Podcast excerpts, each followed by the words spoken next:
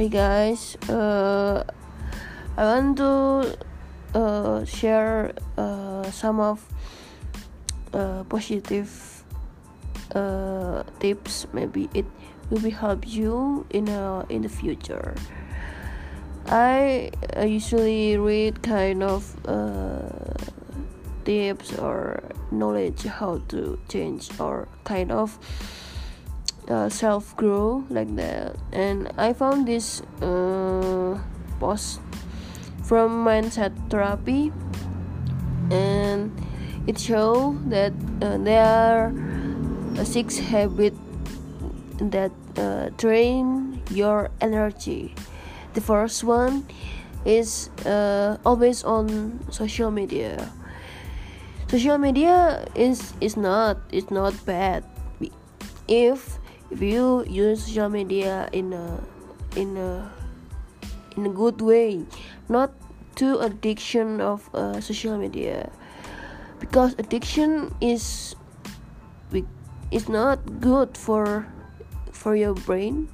Your brain uh, focus on something that it's unnecessary unimportant but you put your brain you put your energy in there and that's not health for your brain for your body and for your mental.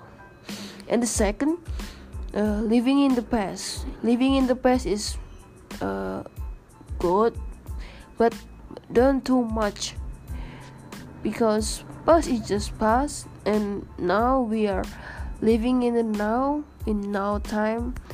And the good one if we uh, think about our future but not too far away in the future but just maybe uh, two or one year or just for tomorrow or the day after tomorrow like that.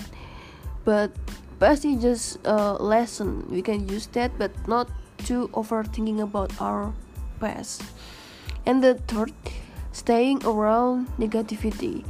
This bad habit uh, staying around on negativity is it's such as people and then uh, activity that not good for you or maybe daily habit that uh, it is. Uh, there is no beneficial for you. And the fourth regularly overthinking. Overthinking is not not it's it's it's uh, totally not good because every time every time you think it's is wrong and your brain usually uh, do kind of uh, to save on the on the comfort zone of yourself. So if your brain uh, tell or think about something that is uh, to save you to save you but that's okay but not too much. Just follow your intuition. Your intuition is uh, your intu- intuition voice is uh, calm and simple but that's but, but that's that's the truly way. And then fifth constant unhealthy eating. That's uh, will be bad for our physical body because because of uh, unhealthy food is content of waste food. Then no vitamin no no of uh, carbohydrate more carbohydrate that we we we have to we have need it need need that kind of that. And something that uh, it's not support our energy not support our blood pressure.